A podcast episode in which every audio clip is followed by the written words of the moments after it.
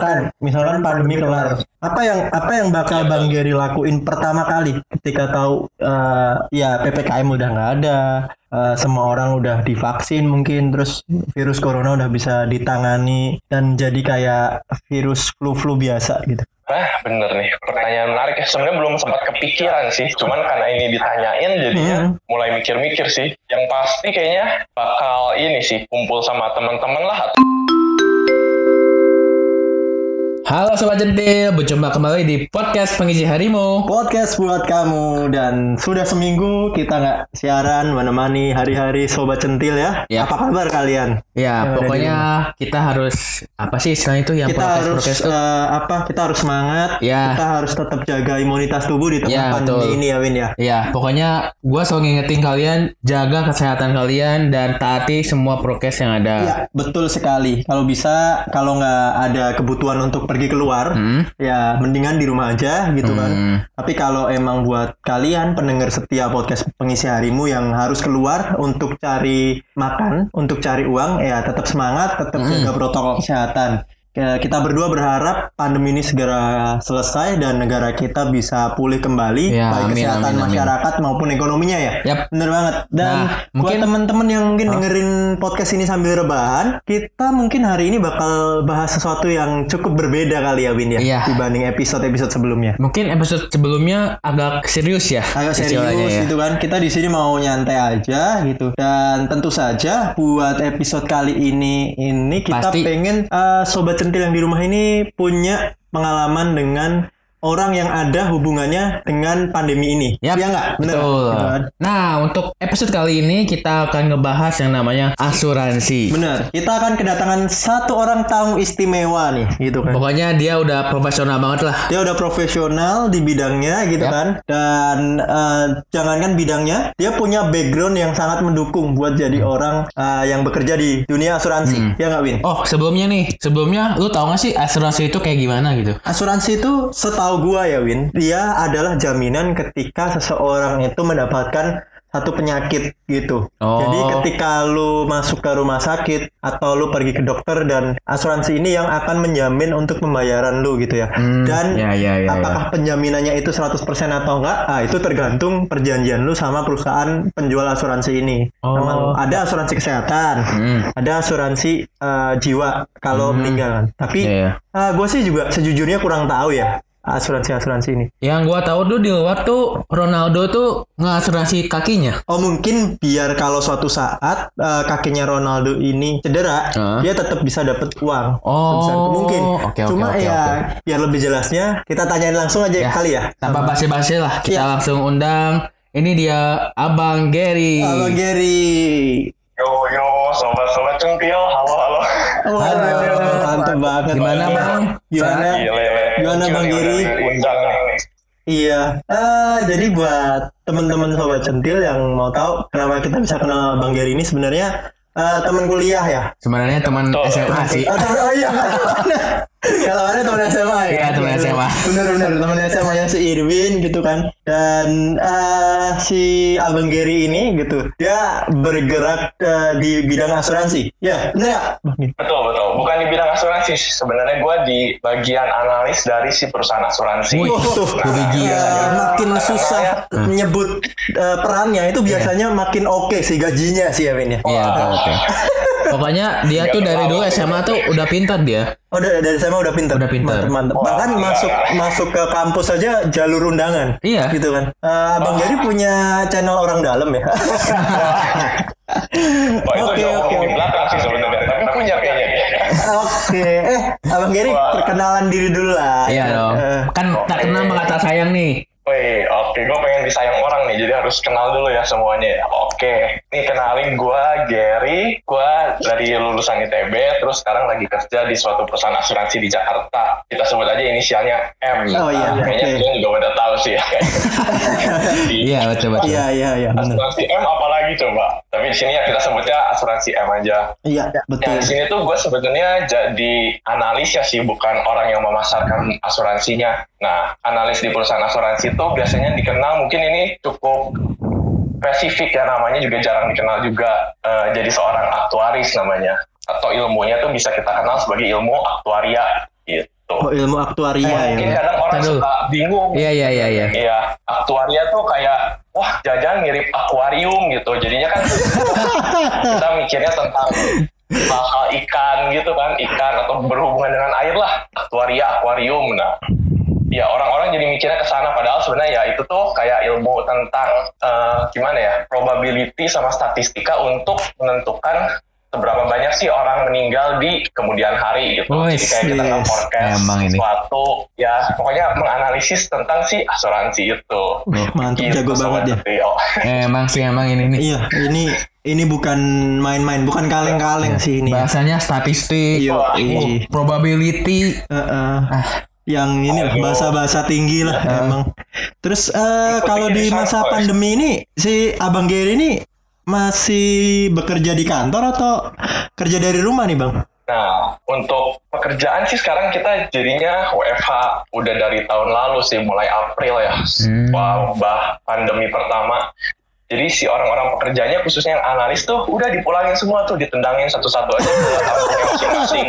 Bukan ditendangin, Gitu, cuy. Supaya kan lumayan juga.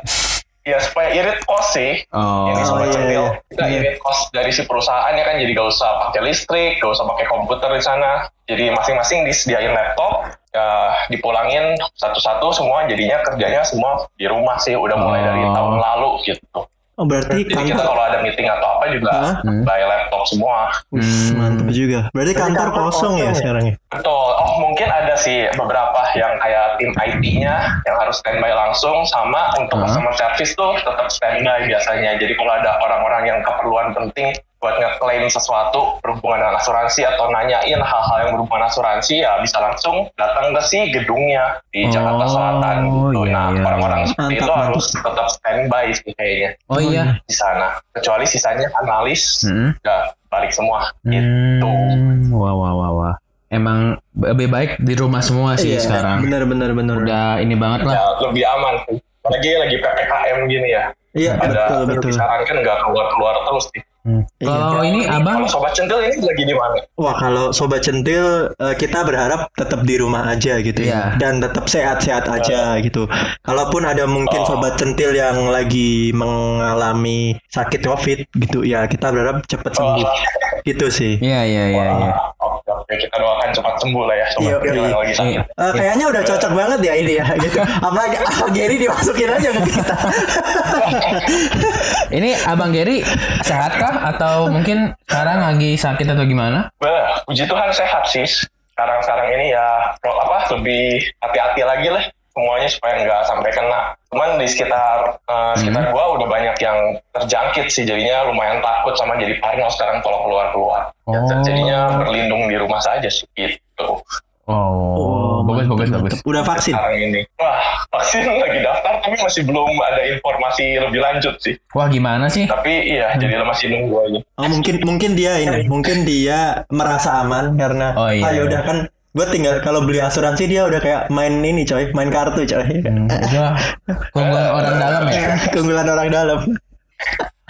Oh iya, ini nih yang Oh gue iya, tak. untuk pekerja juga dikasih itu. Kenapa? Kenapa? Kenapa? Coba ngomong dulu aja. Oh, Ah, untuk pekerja yang di sana tuh biasanya dikasih juga diskon sih kalau mau beli suatu produk gitu, produk dari perusahaan M-nya misalnya. Jadi untuk pekerja di sana biasanya, oh harganya lebih murah karena dia udah tertera kerja di sana, jadi dapat harga diskon gitu. Oh, Tapi pada iya. dasarnya sih asuransi benar yang tadi Bang Vino jelaskan sih. Kita membeli eh, apa fungsi proteksinya lah ceritanya dengan bayar sejumlah uang gitu. Jadi uangnya tuh anggap uang aman kita lah, uang yang kita gunain tuh buat kita aman kalau kita sesuatu ada sesuatu terjadi ke depannya, ya udah uang itu tuh bisa cover kita supaya nggak usah bayar biaya kesehatan berlebih deh gitu. Hmm. Wah, jadi ngomong nih. Enggak, enggak apa-apa, ini- Nggak apa-apa, ini tuh nanti eh, ada sebiasanya ini gambaran umumnya aja ya jelasin. Hmm. Jadi ada dua produk biasanya. Namanya produk tradisional sama produk universal si asuransinya tuh. Produk tradisional tuh kita bayar sejumlah premi namanya. Nanti dia bakal cover kita ke depannya untuk ya beberapa tahun ke depan gitu dengan bayar sejumlah premi. Periode waktunya juga ada tertentu lah masing-masing produk ada beda produk feature-nya itu yang tradisional yang biasanya ditawarin sama agen-agen pada umumnya nah Yang satu lagi tuh yang UL namanya Universal Link. Ini tuh perus, eh, produk di mana ada fungsi investasinya. Jadi duit yang kita bayarkan, duit premi itu nggak semuanya buat si fungsi proteksi. Ada berapa persennya dibayar buat investasi. Jadi nanti waktu kita eh, sudah bayar preminya selesai, ya udah kita dapat fungsi proteksi sama ada investasinya lah. Walaupun di eh, persentase eks- eh, investasinya itu nggak sebesar deposito atau ya investasi lain lah kayak reksadana gitu yang besar-besar. Hmm. Oke. Karena ini kan uh, sebenarnya dibaginya jadi fungsi proteksi sama investasi. Di Indonesia biasanya orang tuh lebih cenderung beli sih yang produk UL ini karena ada iming-iming kalau si produk ini tuh ada investasinya gitu. Jadi waktu balik tuh ya nggak kosong banget si duitnya. Ada Oke. tambahan lah dari investasinya gitu. Wih. Itu sih Iya. sebenarnya gambaran asuransi. Berarti Ah, bedanya di yang konvensional itu murni asuransi. Berarti Hmm. untuk lu nanggung biaya kesehatan lu, sedangkan yang universal nih tadi itu gabungan dari asuransi sama investasi gitu. Hmm, ya ya ya. Bedanya itu. Nah, kira-kira begitu. Betul sekali. Ini berarti Abang Gary ini semua asuransi di perusahaan ini ya atau perusahaan lain mungkin? oh, belum tentu ya. Saya kerja di suatu perusahaan M juga malahan nggak punya produk perusahaan M ya. Aduh. Malah belinya ke produk sebelah mungkin. Saya sih cuma jadi analisnya aja gitu. Oh. Kayak orang kan misalnya jadi Gojek, oh bisa aja dia kan pakainya nggak Gojek, bisa aja dia pakainya Grab atau Shopee Oh iya untuk iya. iya. nganter-nganterinnya. Iya, saya bebas, sekarang jadi bebas. Ya aja ya, sih. betul betul. Eh, Berarti Betul nggak betul. nggak ada nggak ada pemaksaan dari perusahaan. Iya gitu iya, kan. bagus bagus. Nah, karena kalau kita bahas Betul. dari sisi satunya nanti Ah. kita kena undang-undang ITE gitu. Betul. ya kan? Nah, jadi Betul, kan betul. gini nih, Bang Gary, sekarang kita kan lebih ngebahas masalah asuransi dulu ya, sebelum kita ngebahas yang lain lah. Nah, dulu tuh sebelum masuk ke perusahaan ini, ngapain aja sih? Ke- eh, kenapa bisa masuk ke perusahaan ini gitu? Nah, sebenarnya sih dulu tahu, sebenarnya dulu juga gue gak ada gak ada cita-cita lah. Lagi kuliah juga ditanyain cita-cita apa pun boleh, yang penting sesuai lah. Nah, terus kan tanya-tanya lihat prospek kerja apa. Oh, ada saudara gue yang masuk ilmu ini, ilmu aktuaria namanya jadi aktuaris. Terus ya berkutatnya di sekitar statistika gitu sama matematik. Oh ya udah deh, gue cobain masuk aja kan gue lumayan oke lah statistik dibanding yang lainnya gitu nyobain terus waktu lulus eh ya udah ada tawaran magang dulu pertama di tingkat tiga waktu di ITB dulu tuh nah gue cobain magang. Oh kayak gini sih ternyata aktuaris tuh eh, kita mainnya di data semua sih full data. Jadi main Hmm. orang main belakang gitu Iya iya. nggak nggak jarang ketemu orang sih kecuali ketemu sama partner bisnisnya bang-bang gitu. Nah itu mainin data oh datanya tuh diginiin terus kita hitungin dapat berapa rate-nya. Namanya tuh study study gitu deh. Kebetulan kan di aktuaris juga eh, banyak timnya ada tim experience study ada tim CCAP ada tim EFRS penting. Pokoknya itu tim-tim yang ikut mendukung jadi bagian sub aktuaris deh intinya. Nah waktu Hmm. magang tuh oh ya udah oke lumayan tertarik nih. Selama saat tiga bulan atau empat bulan gitu efektif intern ya udah akhirnya waktu lulus coba lagi apply eh puji Tuhan ya udah keterima terus udah deh akhirnya sampai sekarang mencari nasinya tuh ya udah di perusahaan M ini Oh iya. udah hampir berapa ya kayaknya dua atau tiga tahunan Hmm. Tapi udah udah jago yang ngejelasinnya. Gitu. Ya, gua ras gua serasa dijelasin sama sales loh sejujurnya. Bukan bukan Wah. orang yang behind the scene maksudnya gitu. Bukan di back end ya, Iya, tapi dia lebih ke front end. Front end. Benar benar benar benar. Wah, padahal tidak ada yang buat menawarkan ini Iya iya nggak ada nggak ada. Tenang tenang. Eh, terus kalau menurut Maneh nih, asuransi itu penting gak sih bang Hmm. buat orang-orang di kala pandemi kayak gini? Nah ini nih pertanyaan bagus sekali ya. Saking bagusnya saya juga sampai gak bisa jawab ini sebenarnya. Eh, gini ya, menurut saya sih asuransi itu ada baik sama bagusnya tergantung eh, tiap orang tuh apa ya dibilangnya tuh risk appetite-nya gimana. Jadi untuk orang-orang yang mungkin udah berkecukupan terus dia pengen biasanya kan orang-orang berkecukupan tuh cari rasa aman kan ya, fungsi proteksi gitu. Nah, Iya benar benar. mungkin ya asuransi jadi salah satu uh, bentuk investasi lain lah untuk orang-orang ini. Jadi kan dia udah beli rasa aman nih kalau saya kejadian sesuatu ke depannya ya udah saya bisa di cover sama perusahaan ini. Jadi saya gak usah mikirin ke depannya gimana. Nah tapi untuk orang-orang yang belum berkecukupan pasti akan berpikirnya wah daripada duit saya habis buat asuransi yang mungkin juga kan saya saya kan amit-amit nih sampai masuk rumah sakit atau sesuatu yang gak diinginkan lah terjadi kan duitnya bisa ya udah hilang percuma gitu nah daripada gitu mending saya oh ya udah saya tabung aja ke deposito atau investasi lain reksadana atau lu, lu mau beli tanah beli rumah kan memungkinkan. Nah jadi sebenarnya bisa dibilang baik tuh ya untuk market orang-orang yang berkecukupan sih. Ya udah jadi ini fungsi yang bagus lah beli asuransi. Tapi untuk orang-orang yang ya mungkin belum berkecukupan ya asuransi bisa dibilangnya kayak buang-buang duit jatuhnya sih. Jadi kayaknya ini Hmm, jawaban ya dan tidaknya tuh bergantung sama si pasarnya juga sebenarnya sih. Kalau menurut gua sih begitu. Ada. bang bang. Oke oke. Berarti lu netral ya istilahnya ya. Iya benar benar. Netral. Dia netral. Tergantung Iya, dari si mau beli boleh customer. mau enggak juga nggak apa-apa Oke oke oke. Emang sih. Keren keren. Nggak, nggak, makanya nggak dijadiin sales. Kan kalau sales kan ini kan. harus- Pokoknya harus dulu harus dia harus selling selling harus closing. Iya kan? Kalau dia kan ya terserah mau beli boleh enggak nggak boleh gitu. Hmm, ya ya ya. Iya betul Oh, ini, masih Bang. boleh kerja aja Ah, Yang penting masih kerja ya. Emang kan masih kerja lu sekarang, Bang. iya Eh, gini Bang Gary. iya Eh, lu dulu pernah gak sih kayak ngebandingin perusahaan-perusahaan asuransi di Indonesia gitu? Kayak kayaknya perusahaan lu sama perusahaan ini lebih lebih unggul perusahaan ini atau gimana seperti itu sih? Karena kan di Indonesia kan banyak banget kan istilahnya tuh. Iya benar. Pernah sih, tapi cuma lihat sekilas aja. Sebenarnya ya banyak juga perusahaan yang top-top tayarnya lah. Kayak perusahaan asuransi P yang ada lambang orang pakai bandana merah. Ada, ada, Itu ada. lah. Iya, iya, iya. Itu top nomor satunya. Iya betul betul betul. Terus ada perusahaan S juga ya yang ada lambang mataharinya warna kuning. Nah, terus yang lagi ngetren juga waktu itu yang sampai masuk TikTok ya kalau nggak salah. Hah? Perusahaan yang pakai inisial doang tuh. Oh iya iya iya iya ada ada ada. Benar benar. I, ada huruf A. Oke oke. Gak apa nggak apa. Pokoknya banyak sih. Nah iya tapi perbedaannya masing-masing dari produk fiturnya sih sebenarnya. Biasanya orang cenderung belinya kan semakin murah preminya, Mhm. ya semakin orang banyak tertarik buat beli sih pada dasarnya itu. Cuman ya banyak kembali lagi ke masing-masing orangnya. Mungkin ada orang yang beli dari perusahaan ini karena oh ada produk fitur ini yang mungkin cocok sama kebutuhan hidupnya gitu. Misalnya oh saya perlu misalnya orang yang diabetes kan harus cuci darah atau apa. Oh ini saya kayaknya butuh ini dengan produk feature ini umur segini. Oh preminya segini aja nih cukup. Saya nanti dapat kamarnya kamar yang nggak usah mewah-mewah banget tapi pelayanannya maksimal misalnya. Oh ya udah produknya di sini. Jadi sebenarnya nggak beda jauh sih perusahaan yang satu sama yang lain di ya paling main di premi sama produk feature-nya aja ada. Oh kalau dibeli di perusahaan ini produk feature ini kita dapat tambahan ini. Kalau beli perusahaan B dapat produk feature-nya ini.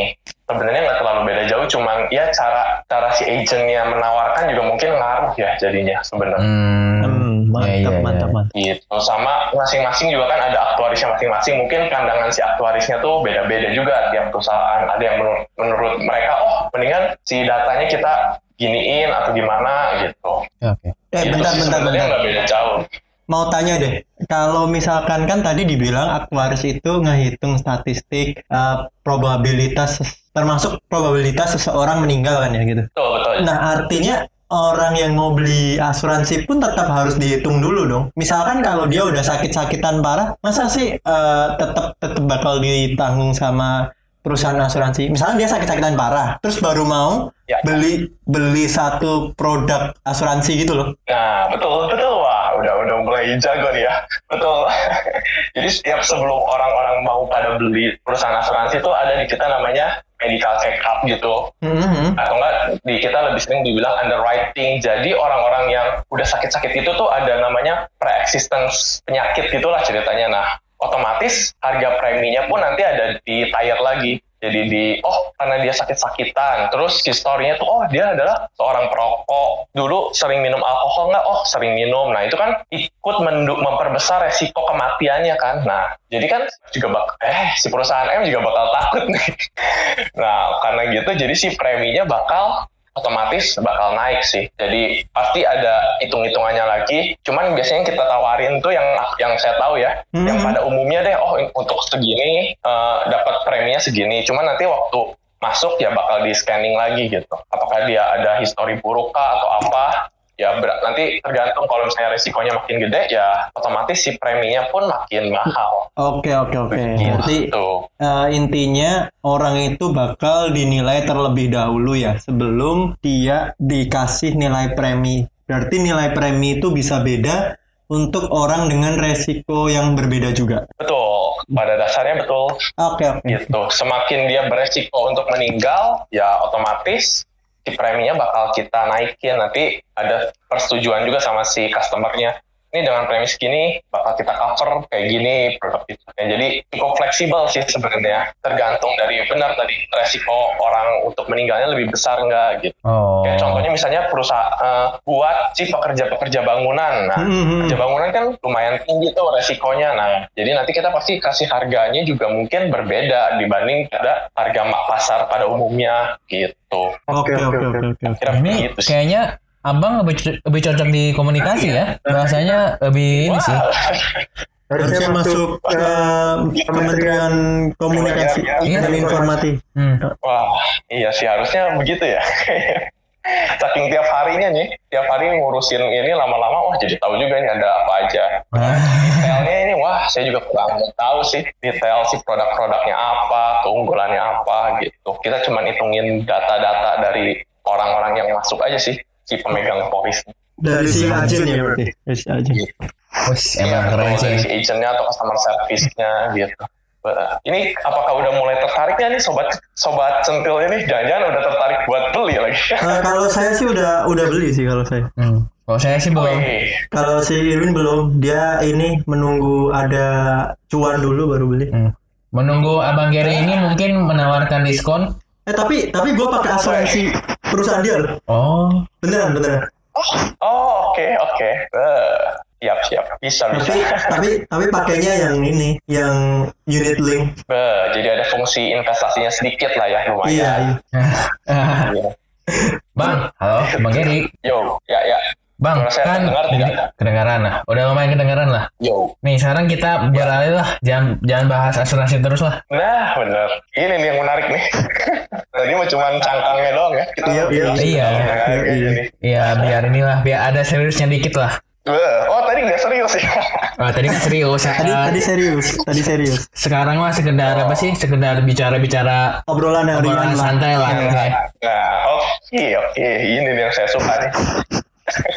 Nah, Bang Gary, di- abang sendiri udah punya pasangan belum sih? Wih, untuk pasangan sih, puji Tuhan udah ada. Hmm, nah bedanya Udah. bedanya bedanya sebelum sama sesudah menurut abang gimana rasanya? Setelah punya pasangan sama Yang sebelum punya pasangan? Bah, oke.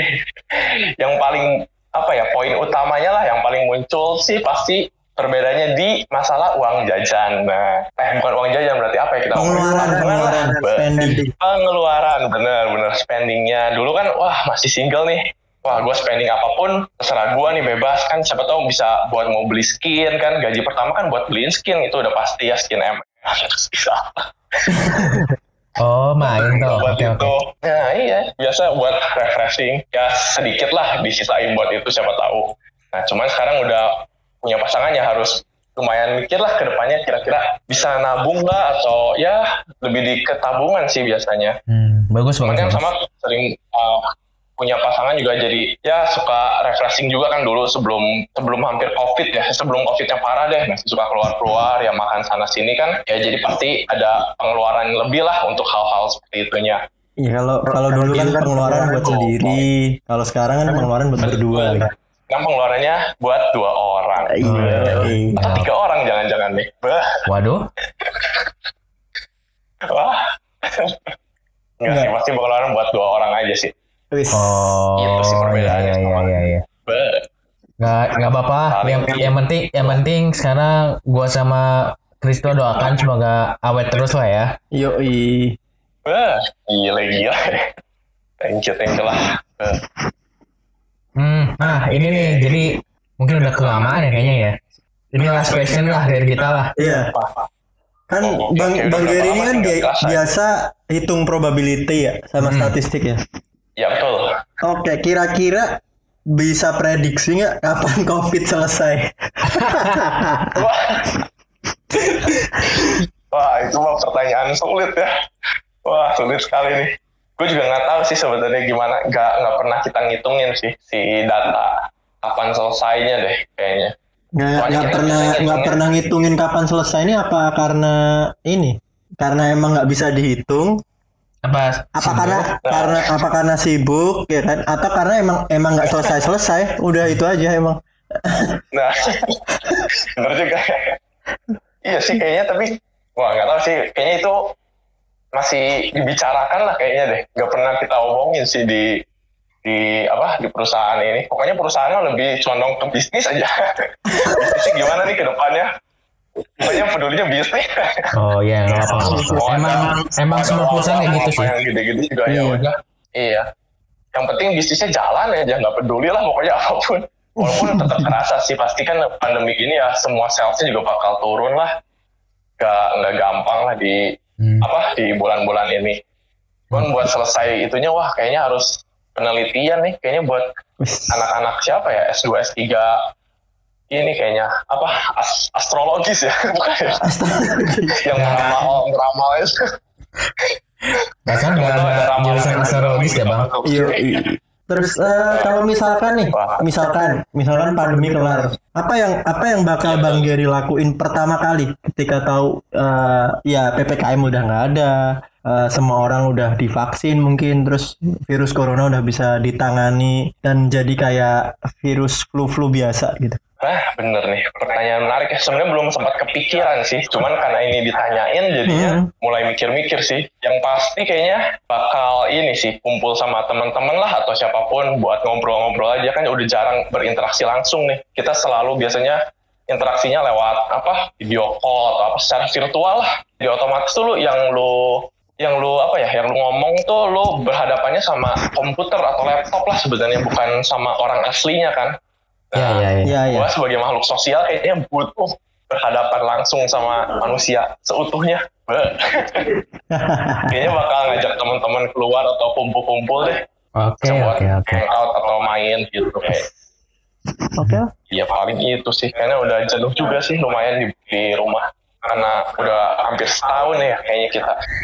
Iya. Kalau sobat centil gimana nih? Mungkin bisa Oh iya sih, sharing udah. juga sobat centil. Udah lama sih emang Iya. di ini juga. Ya harapan gua sih Abang- ini sih. abang- Harapan gua ya sama kayak lu sih.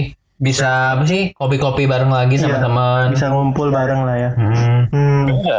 Eh, kalau buat sobat centil yang ada di rumah, kalau kalian juga mulai kepikiran nih, kalau misalkan pandemi selesai bakal ngapain gitu, ya kalian bisa cerita ke kita, DM ke kita. Yep. Nanti di episode berikutnya kita bakal bahas deh. Yep. Cerita-cerita yang unik akan kita bahas nih, Hmm. ya kan. Udah. Misalkan setelah selesai pandemi mau pergi liburan atau ke mana gitu kan. Atau setelah pandemi mungkin mau mau cari pasangan. Mm-mm. Atau setelah pandemi mungkin mau ke Wuhan mungkin. Iya. Wah, Jangan cuy.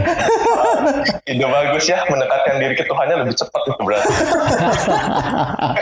ya karena ka- kayaknya sekarang kita udah melenceng jauh-jauh ya Eh, eh. ngebahas ya. Iya, iya. Tadi ada asuransi, terus eh, kehidupan pribadi sama pasangannya Iya. si Bang Gary gitu kan. Wah, Terus sekarang eh, pandemi kelar mau ngapain gitu kan. Mm-mm. Ya, eh, menurut kita sih sebenarnya asuransi penting-penting aja ya gitu ya. Penting. Kalau kalian mampu eh, beli, mampu afford ya sebisa mungkin pakailah Pakai. asuransi untuk Supaya- mengamankan. Karena kita nggak akan tahu apa yang terjadi besok ke kita gitu kan.